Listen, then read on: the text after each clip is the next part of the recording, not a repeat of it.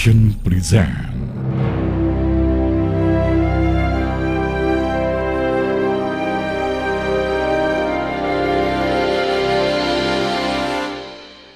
Assalamualaikum warahmatullahi wabarakatuh.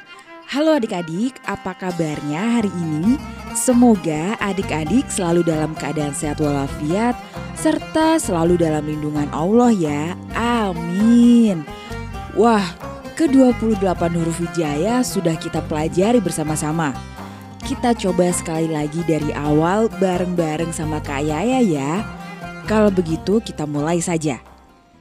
A'udzu billahi minasyaitonir Bismillahirrahmanirrahim.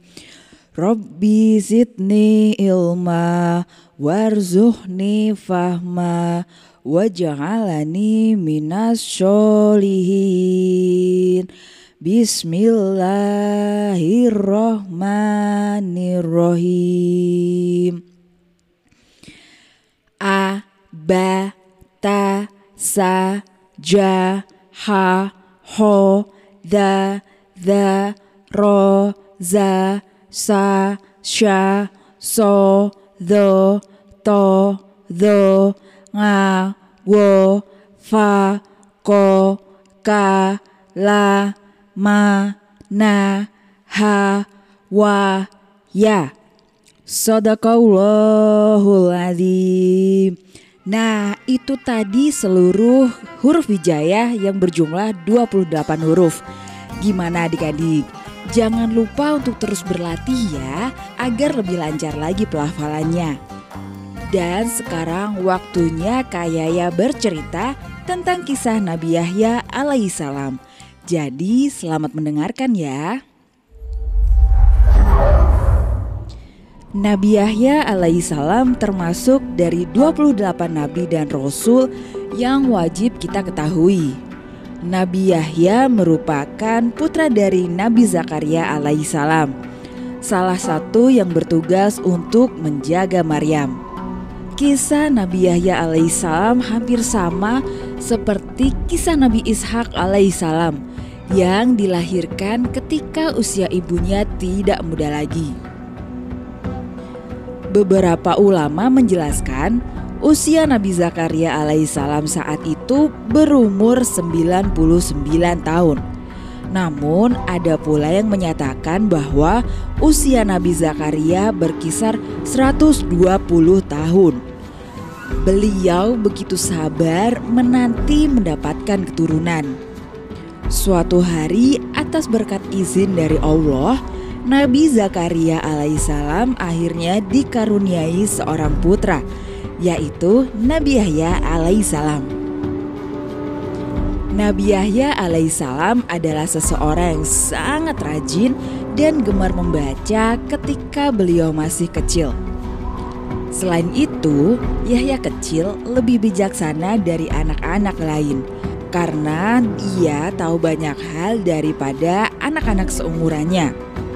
Ketika tumbuh dewasa, Nabi Yahya alaihissalam bahkan lebih baik lagi kepada orang tuanya dan semua ciptaan Allah. Nabi Yahya alaihissalam juga senang berada di tempat terbuka. Kadang-kadang Nabi Yahya alaihissalam akan pergi ke gua untuk duduk yang mana di sana terdapat seekor singa besar yang ganas.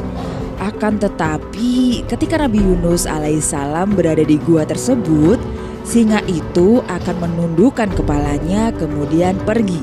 Karena binatang itu tahu bahwa orang ini yaitu Nabi Yahya alaihissalam adalah nabi yang suka merawat hewan. Pada suatu hari, Nabi Yahya alaihissalam mendengar Raja Herodus yang menguasai Palestina hendak menikahi anak tirinya yang bernama Herodia. Dalam syariat atau peraturan kitab Taurat dan Zabur, menikahi anak tirinya itu tidak boleh atau boleh dibilang adalah haram. Namun Raja Herodus yang sudah tergila-gila pada anak tirinya yang cantik jelita itu tidak peduli ia tetap bersikeras ingin menikahinya. Tak seorang pun berani menentang kehendak Raja Herodus.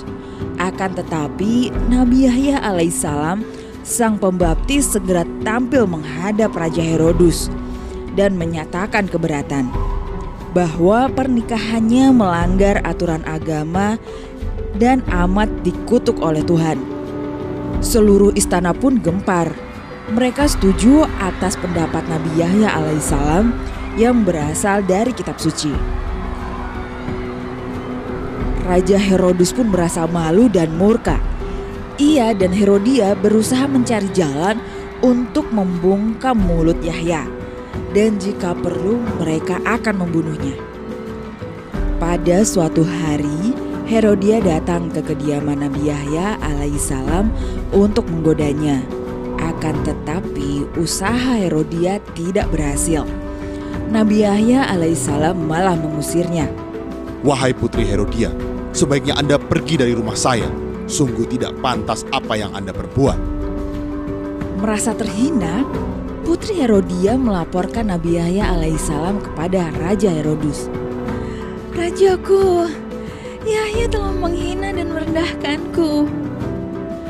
Mendengar hal tersebut, Raja Herodus murka dan marah. Kemudian ia memerintahkan pasukannya untuk menangkap Nabi Yahya alaihissalam. Pasukan, tangkap Yahya dan penggal kepalanya. Ampun Baginda Raja, ta tapi Baginda, apa yang dikatakan oleh Yahya itu benar. Siapa pun di sini yang tidak menuruti perintahku akan aku beri hukuman yang berat. Mendengar ancaman Raja Herodus, semua pasukan merasa takut dan menjalankan perintah sang raja. Setelah beberapa hari pencarian pasukan atas Nabi Yahya alaihissalam, mereka akhirnya menemukan beliau dan langsung menjebloskannya ke dalam penjara. Kemudian keesokan harinya, para pasukan mengeksekusi Nabi Yahya alaihissalam. Setelah Nabi Yahya alaihissalam meninggal, perhatian seluruh orang-orang beriman beralih kepada Nabi Zakaria alaihissalam yang sudah tua. Mereka meminta pendapat Nabi Zakaria alaihissalam. Dan beliau pun tetap berpegang teguh kepada ajaran Allah yang terdapat pada kitab Taurat. Yaitu pernikahan antara ayah dan anak tiri itu tidak diperbolehkan. Mendengar hal tersebut, Raja Herodus marah kemudian meminta prajuritnya untuk menangkap Nabi Zakaria alaihissalam. Namun rakyatnya melindungi Nabi Zakaria alaihissalam. Beliau bersembunyi di sebuah hutan. Pada suatu hari, hutan tempat Nabi Zakaria alaihissalam berlindung dikepung oleh tentara Raja Herodus dan dibantu oleh tentara Romawi. Pada saat itu, Nabi Zakaria alaihissalam melihat terdapat pohon yang tengahnya dapat membelah dan kemudian menutup lagi. Lalu Nabi Zakaria alaihissalam masuk ke dalam pohon tersebut. Akan tetapi ada orang yang melihat seseorang menyerupai Nabi Zakaria alaihissalam terlihat di dalam pohon tersebut.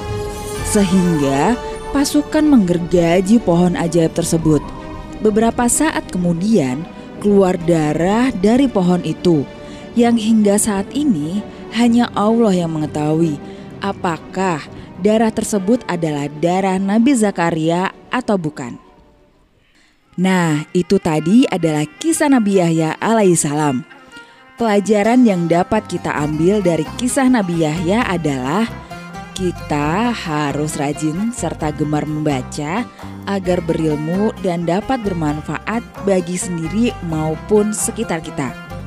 Selain itu, kita harus mampu membela kebenaran walaupun semua orang menentangnya. Baiklah adik-adik, sampai di sini dulu ya.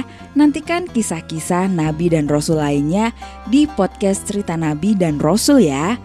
Kak Yaya pamit undur diri dulu. Insya Allah kita akan bertemu kembali. Wassalamualaikum warahmatullahi wabarakatuh.